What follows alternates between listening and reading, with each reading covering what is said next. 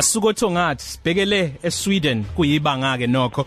Sixoxe no Mike Mavundla. Mike siyakubingelela mfethu njani? Yes sibingelele kwalalela Yeah mfethu okokuqala nje ngiqeda ukukhuluma ngalento yokuthi amazwe abizwa ngeScandinavia noma akwile region ebizwa ngeScandinavia kunyaka njengoba unezinyanga eziyishumi nambili. Izinyanga eziyisithupha kumnyama bhuqi ezinye inyanga eziyisithupha kuyakhanya waya waya. Ngabe kunjalo nalapha eSweden? Ya ya ya um kunjalo. Ihlobo lonke silala ngokuthi sivale amafasitelo ngemakhethi lamnyama. Otherwise kuyakhanya njalo ebusika kumnyama throughout. Njengamanje nje ukukhanya noma ubumnyama buba amahora amangaka osukwini? Ah ukukhanya ikona lokuthi ngoba ilanga nje samalanga lishona nga10 ebusuku. Lishona ngo10 yes.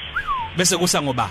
Eh kusa still kusa ngesikhathi esifanako kepha ke kusa ukhanya early ngoba ukhanya ngabo 5 ekseni kusuthi ukukhanya like ilanga sothi liphumile ngabo 5 Awusitshele nge-time zone Mike. Eh ngabe ningaphambili noma ningemuva ngokwesikhathi neningizimu Afrika? Eh isikhathi siyafanana bhuti wami. Eh eh njengoba nje lana kulesikhathi lesinamanje eSouth Africa siyafanana isikhathi esifanako. Okay kusho ukuthi nalapho u1244 emini yes Okay. Yebo. Yini mfethu kususa eningizimu Afrika ubuhlala kuphi nendawo bukhona la eThekwini? Eh ngiseThekwini. Yini kususa eThekwini kise Sweden ngoba abantu bangacabanga iCanada noma iAmerica noma iAustralia. I'm going to Australia when wavela wakhetha iSweden. Eh basically amathuba? Eh ngoba akunteki noma ngeke kwenteka ukuthi uvele upakhet ikwama ucenze eveni lapho khona umuntu ikakhulu ivele khashana kangaka lebi lebi nekhatha lesukile lebingena ukufunza into anali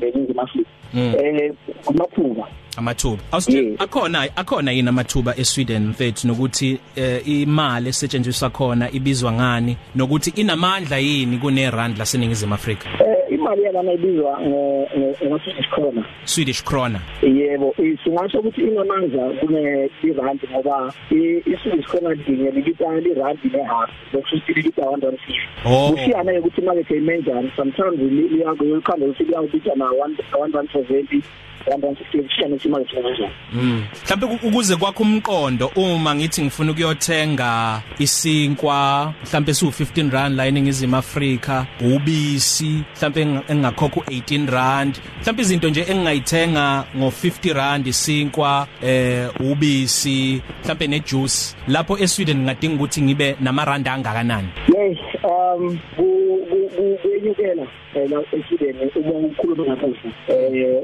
isinkwa isinkwa siyabita noma yelokhu siwako nje siyabita ngoba kulethi eSweden kudla akulinywa noma kudla kuhlapha kubiya emazweni langaphandle oh. Lokwenta ukuthi akulinywa kakhulu ama import philo kakhulu ngama import yes. Okay. Ya lokwenta ukuthi nga50 rand nje kahle kahle musa Sweden awukwazi okay singasho ukuthi ngeke ngasithenga sinkwa eh ngoba khona nama price wa nama price wa sinkwa awafanani eh singasho ukuthi ngasithenga sinkwa sinye ngoba sinkwa nje sibita 29 krona to 30 krona 35 kuyale um 29 krona singasho ukuthi eh ulingana maybe na 40 rand mangiye restaurant ngithi nje mhlambe ngihamba no partner wami la eningizimu Afrika uthola ukuthi 500 rand sengifake ne tip kaweta wethu malini? Ikrona amakrona mangaki mase mase ngiwalethe emarandini ngamele ngiwaspend Eh lo ukhuluma nga 500 rand ngaya kusho ukuthi kumbe ngafuna ube na 750 rand ukuya ku 800 ushiyane ukuthi simo 30 rand sima kanjani simi kanjani? Yebo. Asikhulume mfethu ngezokuyijabulisa mhlambe amaciko arts culture entertainment la eningizimu Afrika kukhona ama club kukhona Omax no Yadini njalo njalo no Mojos indalo enje indawo njengalezo oshisa nyama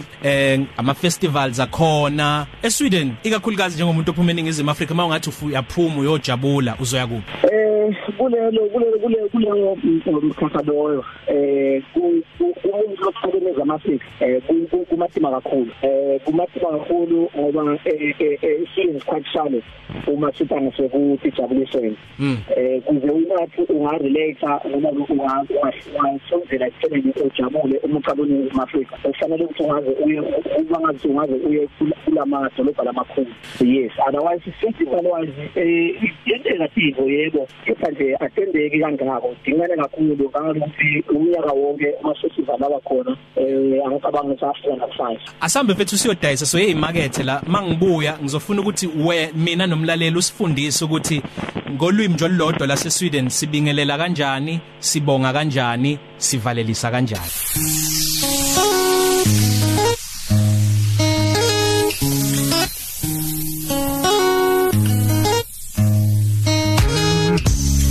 Sithi kuphuma kancane eningizimu Afrika kwizwekazi Afrika sisabalale siya phezulu eEurope kuiScandinavia sise Sweden konje Mike uthe igama ledolobho kulona libizwa ngani lapha eSweden? Eh namhlanje ngisho eDelvo. eDalvos no eDelvo. Oh eDelvo. Yes. Okay awukus awukusitsheleke mfowethu sibingelela sithini ngaluphi ulwimi? Luphi ulwimi nje okokuqala olihamba phambili noma olukhulunywa abantu abaningi eSweden? Eh iSweden ngokuthi samsini noma ke i i i festival count angathi ngabe kanjani isizulu eh lulimi lakhona eSelka eh ukukhulunywa lona ufundiswa ngalo nasesikolweni okay lokusho ukuthi isingisi sincane nje impela ngiyabona so kuyakuphoqa uma uMike waseningizimu Afrika ukuthi usheshe ufunde lolo limi. Okungenani eh, zama kancane isifana kalo ngoba uzosala impela khona izinto ezogcina ungazenzanga.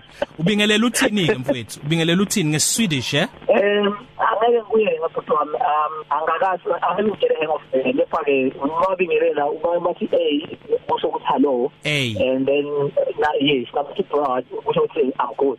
Awuphinde lokho kwesibili?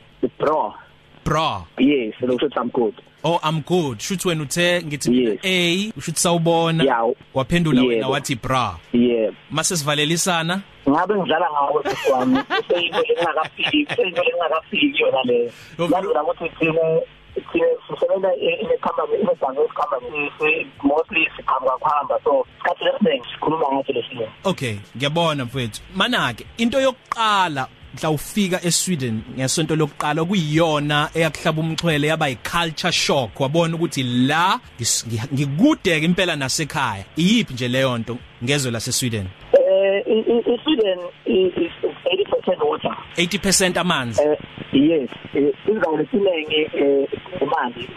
Kusuka kusuka kuso ileki kusuka kuso ileki uthangela emakhaleni ambalwa amanzi njalo lapha lapha ngamanzi eh le landscape yakhona ke ihlukile impela imhlata kahle isizwe mostly livulonke lakhona sihlaka which is commercial forest ngiyabona ngiyabona. Manje Yes. khanj- khanjwa ngezikephi isikhathi eside?